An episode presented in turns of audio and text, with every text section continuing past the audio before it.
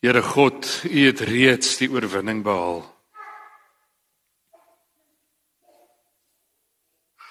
U is die koning. U is die Here. U is God. En U staan ver oggend by ons deur en klop. En U sê as jy vir my oopmaak, sal ek by jou ingaan. En ek sal saam met jou eet en jy saam met my. Wie oorwin, sal ek saam met my op die troon laat sit. Net soos wat ek ook oorwin het en saam met my Vader op die troon sit. Laat die wat ore het luister na wat die Gees vir die gemeente sê. Here, ons het ore. Maar help ons deur u Gees om vanoggend ook te luister. Amen.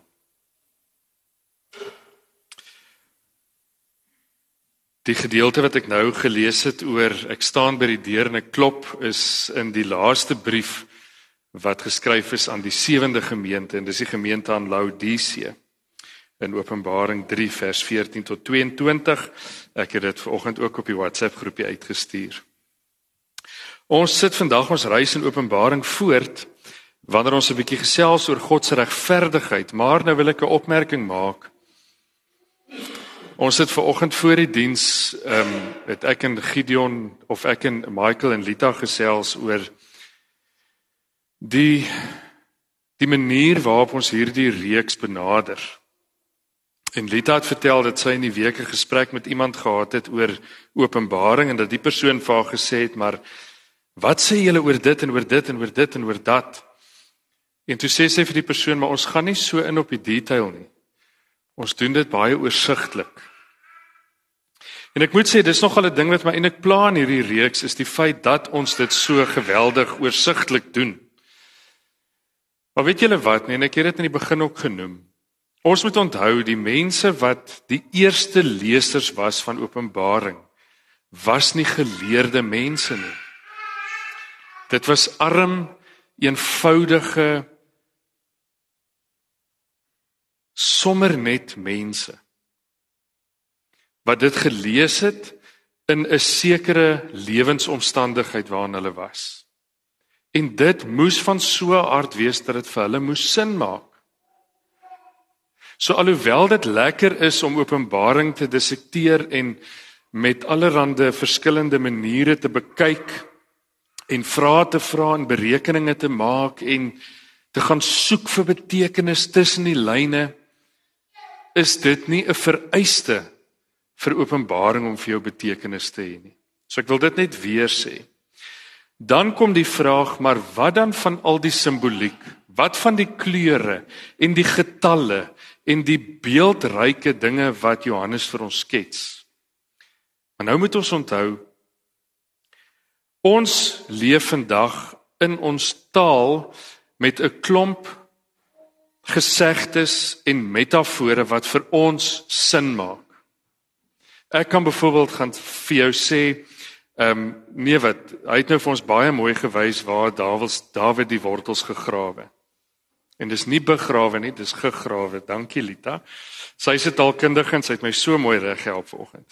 En as ek dit vir jou sê, weet jy presies wat dit beteken.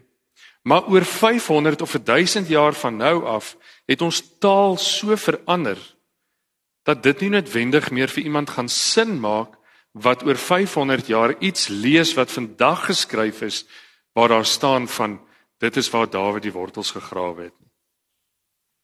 Dit is ons taal verander. En van wat Johannes hierdie openbaring geskryf het aan die vroeë Christene na nou toe het die taal en die konsep van taal ook baie verander. As jy die Hebreëse poesie gaan lees, en jy vergelyk dit met hoe poësie vandag lyk, is dit eintlik onvergelykbaar. Dit is totaal en al verskillend. En dieselfde met die beeldryke taal wat Johannes hier gebruik. Hulle gebruik goed soos simboliek in terme van simbole, van kleure, en al daai tipe dinge om 'n boodskap te kommunikeer en dit is hoekom dit vir ons vreemd voel. Want ons leef 2000 jaar nadat dit geskryf is, afgerond. As jy vir die vroeë Christene gesê het hierdie ou is 'n 6, dan het almal presies geweet wat jy bedoel. As jy vandag vir my moet sê hierdie ou is 'n 6, gaan ek vir jou sê, maar wat bedoel jy met dit?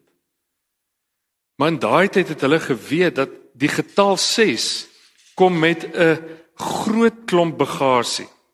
En hierdie bagasie gaan daaroor dat die getal 6 sleg, onrein, boosheid kommunikeer. Want die getal 7 was weer volmaaktheid en reinheid. So 6 is minder as dit. Dis byvoorbeeld waar die getal 666 vandaan kom. Maar ek gaan nie in hierdie reeks op al hierdie nitty-gritties van Openbaring ingaan nie. Ek probeer ons so bietjie in die skoene plaas van die mense wat dit die eerste gelees het. Maar nou besef ek dis tog lekker om te weet wat al die simboliek beteken. So in die week wat verby is, het ek elke dag 'n stukkie gestuur oor die sewe gemeentes in Openbaring. Ek sal iewers in die week wat voorlê of die week daarna as ons terug is, vir julle 'n mooi uiteensetting stuur van wat die simboliek in terme van die kleure en die getalle beteken. 'n Mooi opsomming stuur wat jy iewers in jou Bybel kan file en as jy dan deur Openbaring blaai of lees en jy wil iets spesifiek weet, dan kan jy dit daar vinnig net gaan naslaan. Vandag kom ons by God se regverdigheid. En dit is vir my eintlik waaroor 'n groot deel van Openbaring gaan. Is oor God wat regverdig is, God wat regeer, God wat oorwin het en ons wat in hom glo wat saam met hom in hierdie oorwinning staan. Ons het dit vanoggend weer gelees in daai laaste deel van die brief dat ons saam met hom op die troon sal sit soos wat hy saam met Jesus nou saam met sy Vader op die troon sit. Maar nou wil ek 'n vraag vra voordat ons begin of of as inleiding. Ons sê God is liefde. Maar nou is my vraag, is dit reg om dan te sê God is liefde, maar God is ook regverdig? En en daarmee bedoel ek half kwaai regverdig. So kwaai dat hy wolke rook het wat uit sy neus uitborrel. Lees ons in die Psalm, so kwaad word hy. Ons lees van Jesus self wat ook God is wat die tafels gaan omgooi in die tempelplein van woede. So kan 'n mens hierdie twee konsepte van God is liefde en God is absoluut regverdig in dieselfde sin plaas. Nou, dis baie keer vir ons moeilik om dit te doen. Want ons skep 'n prentjie in ons koppe van God is liefde dan sien ons God as hierdie sagte vaderfiguurtjie of 'n moederfiguur, maak nie saak hoe jy oor hom dink nie, maar wat net die heeltyd kuddel en troos en comfort. En dan is dit vir ons moeilik om te sê maar maar God is ook so regverdig dat hy en ons gaan nou-nou 'n stuk daarvan lees 'n klomp slegte pla oor die aarde vrylaat om verwoesting te saai. Dit pas nie lekker by ons prentjie in van God is liefde nie. My hoop is is dat ons aan die einde van vanoggend kan kom by 'n punt waar ons sê God is juis liefde omdat hy regverdig is en God is juis regverdig omdat hy 'n God van liefde is. En ek vertrou dat die Here ons gaan help om daarby uit te kom. Kom ons gee so 'n trekkie terug. As ons regtig wil verstaan wat regverdigheid beteken vir die Christene wat Openbaring hierdie Apokalips die eerste keer gehoor en gelees het, moet ons mooi verstaan wat is dit wat hulle ervaar het. En ons het al daaraan geraak in hierdie reeks wat verby is. Ek gaan dit vinnig net weer noem daar op julle app, die wat volg, is dit is dit die 4 punte. Die Christene het so uit vier bane verskriklike vervolging beleef. Party baie erg, party minder erg. Die eerste was hulle het vervolging ervaar van die Jode se kant. Onthou, die meeste Die meerderheid van die Christene het uit die Jodendom Jodendom gekom. So hulle was Jode gewees. Jesus was ook 'n Jood en saam met Jesus het hulle weggebreek van die Joodse tradisie en kultuur en godsdiens en geloof en hulle het 'n nuwe geloofsbaan begin wat later eers bekend begin staan het as die Christendom. So baie van die volgelinge van Jesus in sy tyd op aarde het weggebreek van die Jodendom, baie van hulle vriende en familie agtergelaat wat nog steeds Jode gebly het wat gekies het om Jesus nie te volg. En uit dit uit het hulle baie baie vervolging ervaar. Vervreemding ervaar. oor hulle Joodse familie en vriende wat niks meer met hulle te doen wou gehad het nie. Hulle was ook nie meer welkom in die sinagoges gewees nie. Kort nadat Jesus opgevaar het na die hemel toe het die Christene nog steeds in sinagoges bymekaar gekom. Dis die Joodse kerk. En soort van parallel met die Jode nog steeds iets van hulle geloof uitgeleef. Maar hoe meer die tyd aanbeweeg het, hoe meer het die Christene wegbeweeg van die Joodse gebruike en kon hulle later nie meer hulle weg oop sien om saam met die Jode in die sinagoges godsdienstig te wees nie en het hulle geheel en al weggebreek. Die tweede plek waar hulle baie moeilikheid gekry het was van die heidene af. Nou ons moet onthou die heidene was mense wat verskriklik lief was vir allerlei vreemde veral onsedelike rituele en gebruike. En dis skerry hoe baie van hierdie rituele en gebruike veral in Europa vandag weer begin posvat. So hoef nie daaroor op detail of hoef nie daaroor in detail in te gaan nie. En die Christen het net gesê, luister ouens, ons kan nie dit doen nie. Al hierdie tipe goeders wat julle doen wat so lekker is en wat julle voor ons neuse kom hou, is nie meer vir ons aanvaarbaar nie. Ons distansieer onsself geheel en al van hierdie goeders wat julle aanvang. En ons weet wat gebeur as jy vir 'n groep mense sê, luister, nee, julle het die kat aan die stert beet. Julle is besig met verkeerde dinge. Ons gaan nie daarmee assosieer nie. Daar kom van hulle kant af 'n ongelooflike stuk weerstand. En sommer net 'n slegte atmosfeer. Die derde een en dis vir my 'n baie interessante ding is dat daar binne die Christene self ek wil amper sê op 'n individuele vlak 'n grootste konflik gekom het as gevolg van welstand. Ons moet nou onthou net die die Christene, nee, die Jode het hierdie verwagting gehad dat die Messias gaan kom en dat die Messias hulle gaan vrymaak, dat hulle die oorwinnende volk gaan wees in die area waarbinne hulle geleef het en dat dit gaan kom met oorwinning op oorwinning en saam met hierdie oorwinning kom rykdom. Van die wat hulle oorwin se rykdom word dan hulle rykdom. So hulle het hierdie idilliese euforiese prentjie gehad van hoe dit met hulle gaan gaan wanneer die Messias kom en toe kom die Messias en toe word hulle eintlik net armer. Hulle word nie ryker nie want die heidene hulle die heidene wil hulle nie meer hê nie, hulle Joodse familie wil hulle nie meer hê nie. Die Romeine wil niks met hulle te doen hê nie. Die Romeine gee net vir hulle moeilikheid. Hulle kry nie meer werke nie, goeie werke nie. Hulle word absoluut op die kant van die samelewing uitgeskuif en hulle moet maar op hulle eie reg kom. So die Christene het geweldig verarm. En hulle sit met daai ding binne in hulle wat sê, weet jy wat? Ek het myself oopgestel hier hieraan. Ek het gekies om hierdie armsalige lewe te lei. Ek kon nou as ek net met die Romeine opgechommy chommy het, kon ek ook soos wat Matteus en Saggeus gemaak het, bietjie geld van die Romeine kon inkry. As ek maar 'n Jood gebly het, kon ek nog steeds in die gevestigde gevestigde Joodse besighede my inkomste vandaan gekry het. Maar nou het ek niks. Ek behoort nêrens.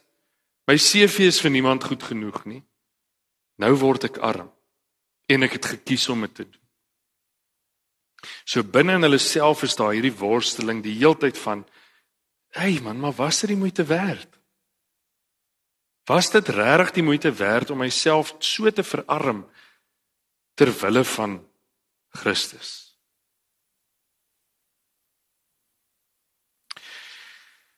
Die vierde ene, natuurlik het hulle van die Romeinse regering af geweldige teenkanting gekry veral omdat daar in daardie tyd 80 90 na Christus 'n ding begin posvat het wat hulle genoem het die keiser aanbidding. So die keiser het later die heer geword, die Kyrios.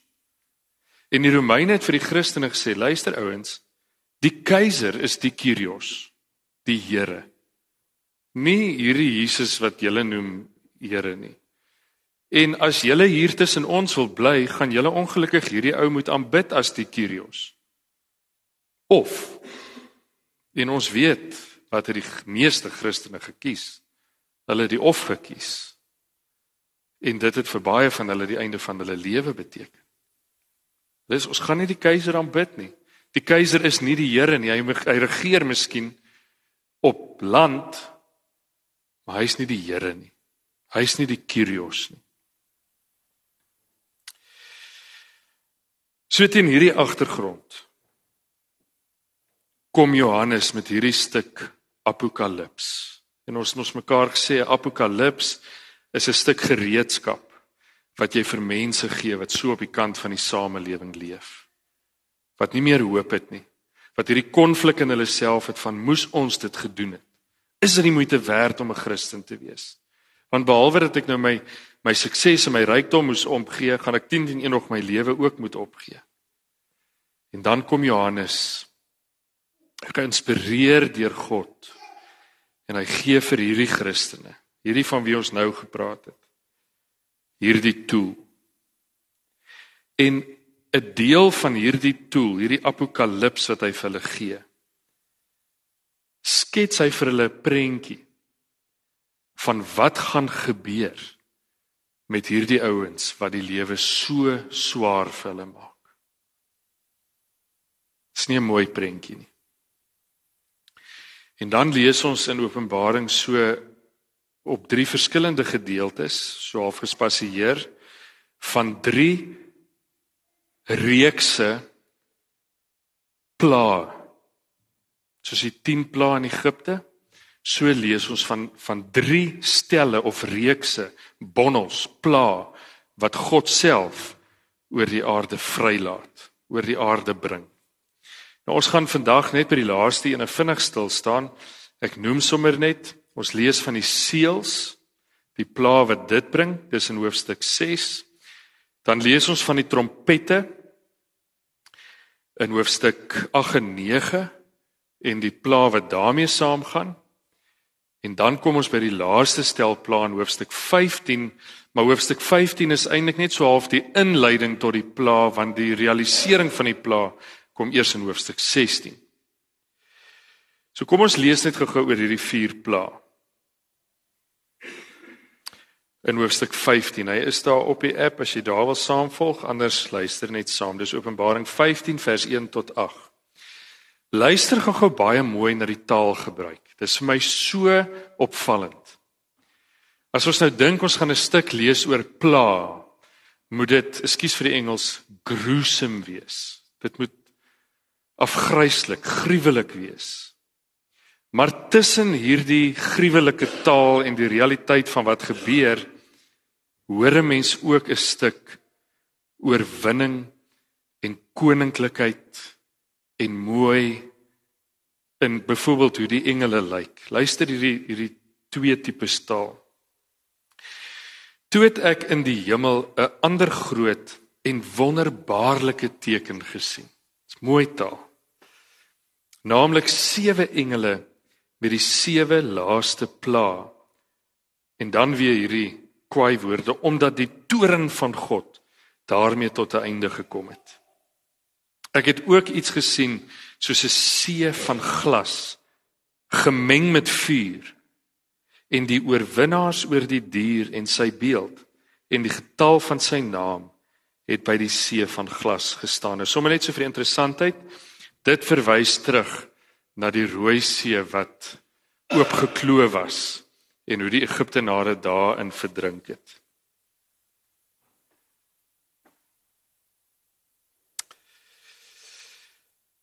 Hulle sing toe die lied van Moses, die dienskneg van God. Dit is ook die lied van die lam wat so lui: Groots en wonderbaarlik is u dade, Here God.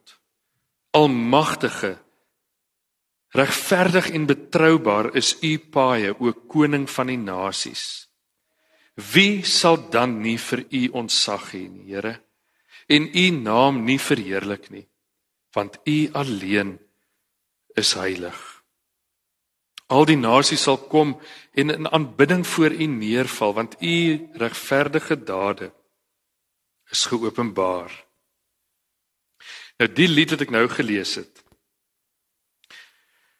is 'n same nie 'n samevatting nie, 'n samevoeging van 'n klomp baie bekende geestelike liedere vir die mense wat dit gehoor het die eerste keer. Dis is nou so goed jy vat Amazing Grace se eerste liedjie en jy vat weer stil se eerste reël en jy vat weer stil en weet se een reeltjie en jy vat ehm um, you raise me up se een reël en jy vat al hierdie bekende goedvoel liedere en jy sit dit bymekaar.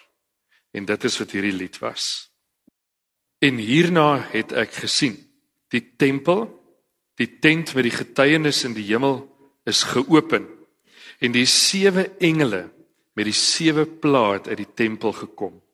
Hulle het blink klere van suiwer linne gedra met 'n goue band om die bors. Een van die vier lewende wesens het toe aan die sewe engele sewe goue bakke gegee gevul met die toorn van God van hom wat vir ewig en ewig leef. En die tempel is met rook gevul, vol van die heerlikheid van God en sy mag. En niemand kon by die tempel ingaan totdat die sewe plaag van die sewe engele verby was nie.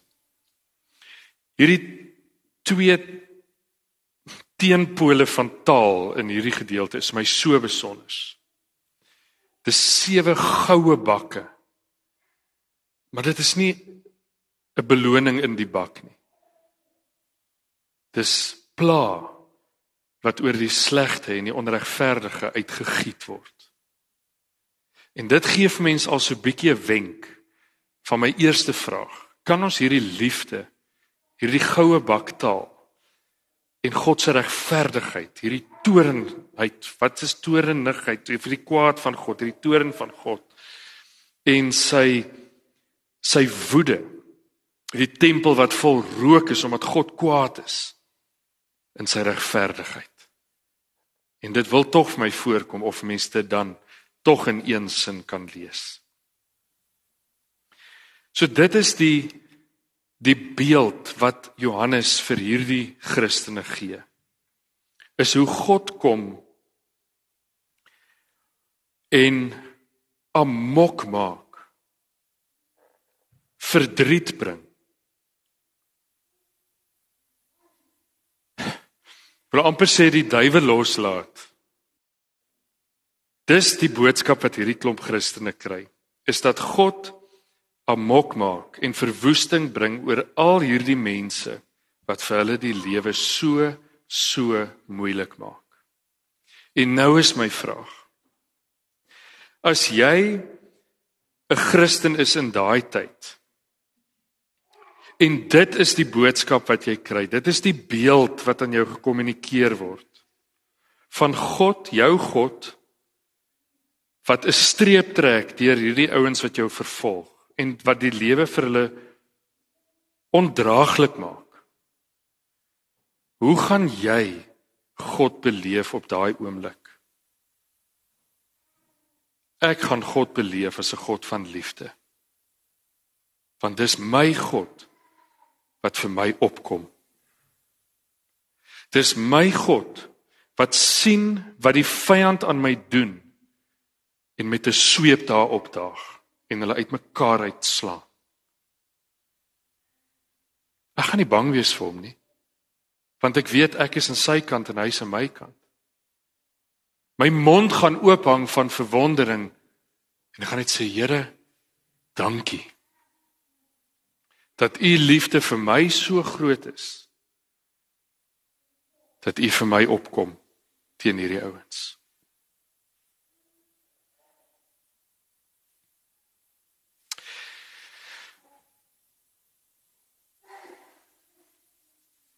Ek wil nou 'n vreemde beeld gebruik.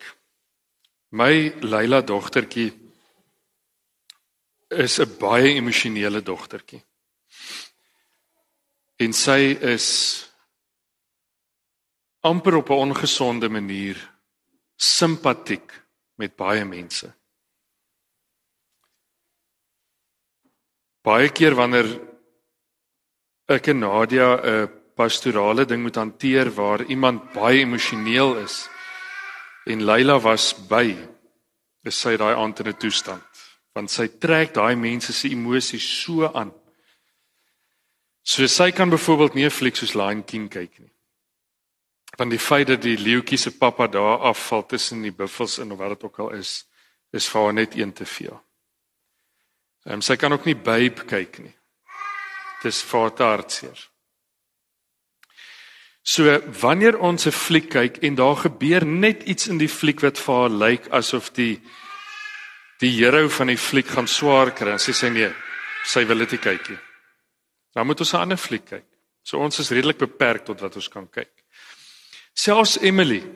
Nou dink ek nou die dag ek gaan vir Emily nou 'n 'n veilige fliek opsit en ek sit vir haar destydse Little Mermaid op.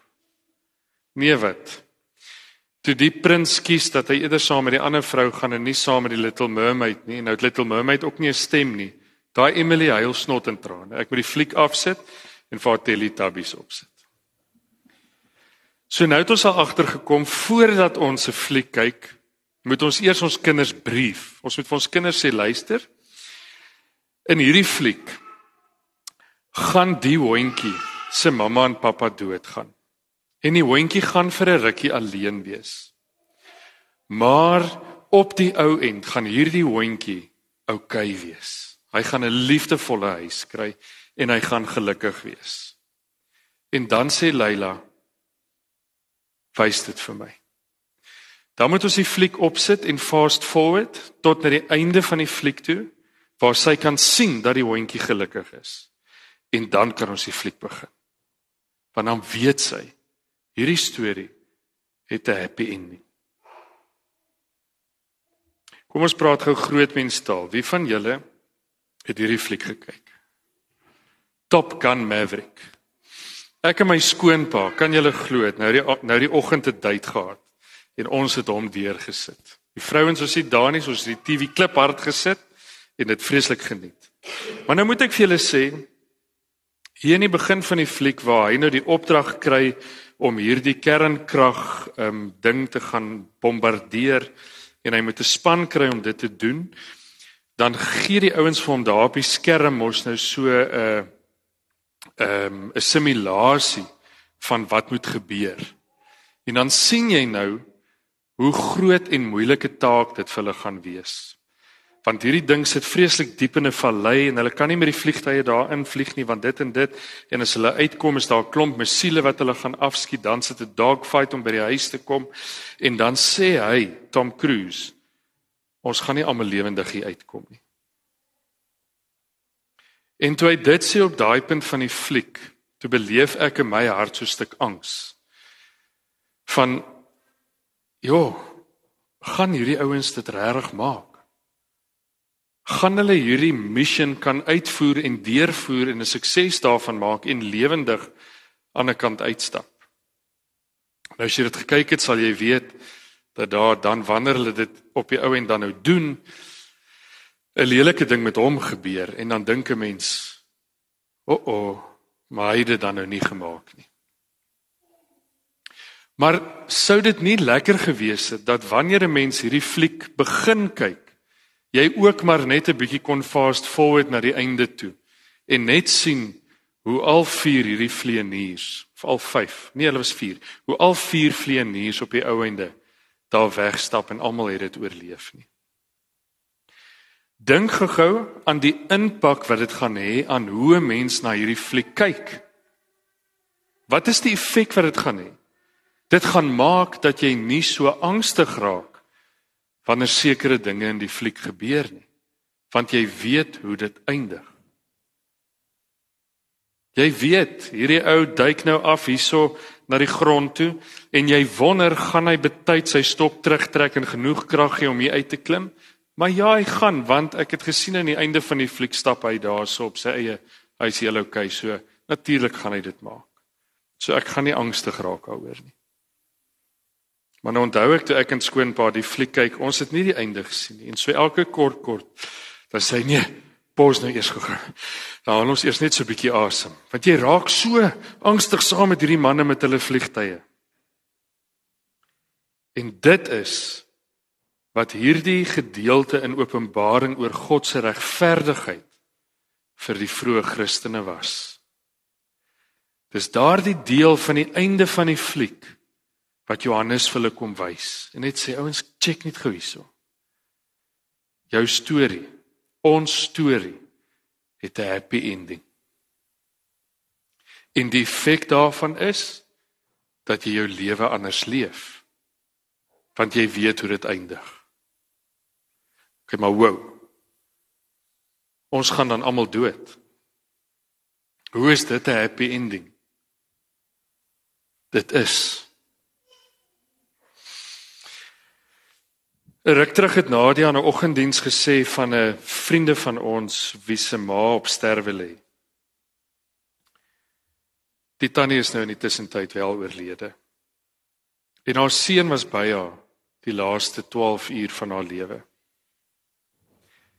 En maandag het ek met hom 'n gesprek oor dit en hy sê vir my, "Die ek is oortuig daarvan dat vir die afgelope of kom ons sê die 2 of 3 dae voor my ma se dood was sy alreeds nie meer daar nie." Nou ek het by baie sterfbeddens in my lewe al gestaan en dit soveel keer beleef dat baie baie keer het ek wanneer ek langs daai liggaam staan en ek onthou die een wat vir my die slegste was was 'n oom wat lewersirose gehad het en dis 'n baie lelike manier om dood te gaan. Baie daar op daai bed lê en aan die ruk gaan. Maar dit dit ontstel my nie want ek het net hierdie belewenis in my gees dat oom Benny nie meer hier is nie. En toe lees ek hierdie gedeelte in Openbaring raak nie in Openbaring nie, skus in Johannes. Johannes 5 vers 24. Amen, amen sê ek vir julle. Sê Jesus het praat. Wie my woord hoor en hom glo wat my gestuur het, het die ewige lewe. En vir hom is daar geen veroordeling nie, maar hy het uit die dood na die lewe oorgegaan. Hy het reeds van die lewe na die dood oorgegaan. Ekskuus van die dood na die lewe oorgegaan. En toe besef ek, maar ek dink Zak se ervaring met sy ma se sterwe is reg. Want sy gaan nie van die dood, ag van die lewe na die dood oor wanneer haar aardse liggaam sterf nie. Sy het daardie dag toe sy 'n kind van die Here geword het, reeds van die dood na die lewe oorgegaan. En het haar happy ending daar al begin. Haar gelukkige einde op haar lewensstorie begin die oomblik toe sy sê ja Here. Ek sê vir u ook ja.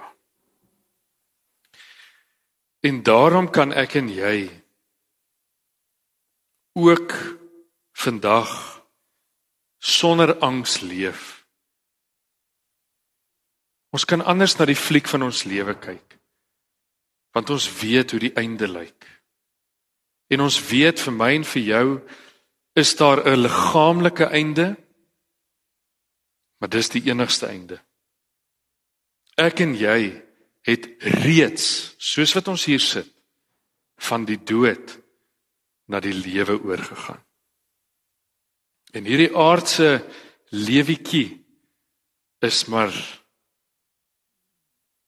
'n piksel op God se ewige lewe waaraan ek en jy reeds deel het.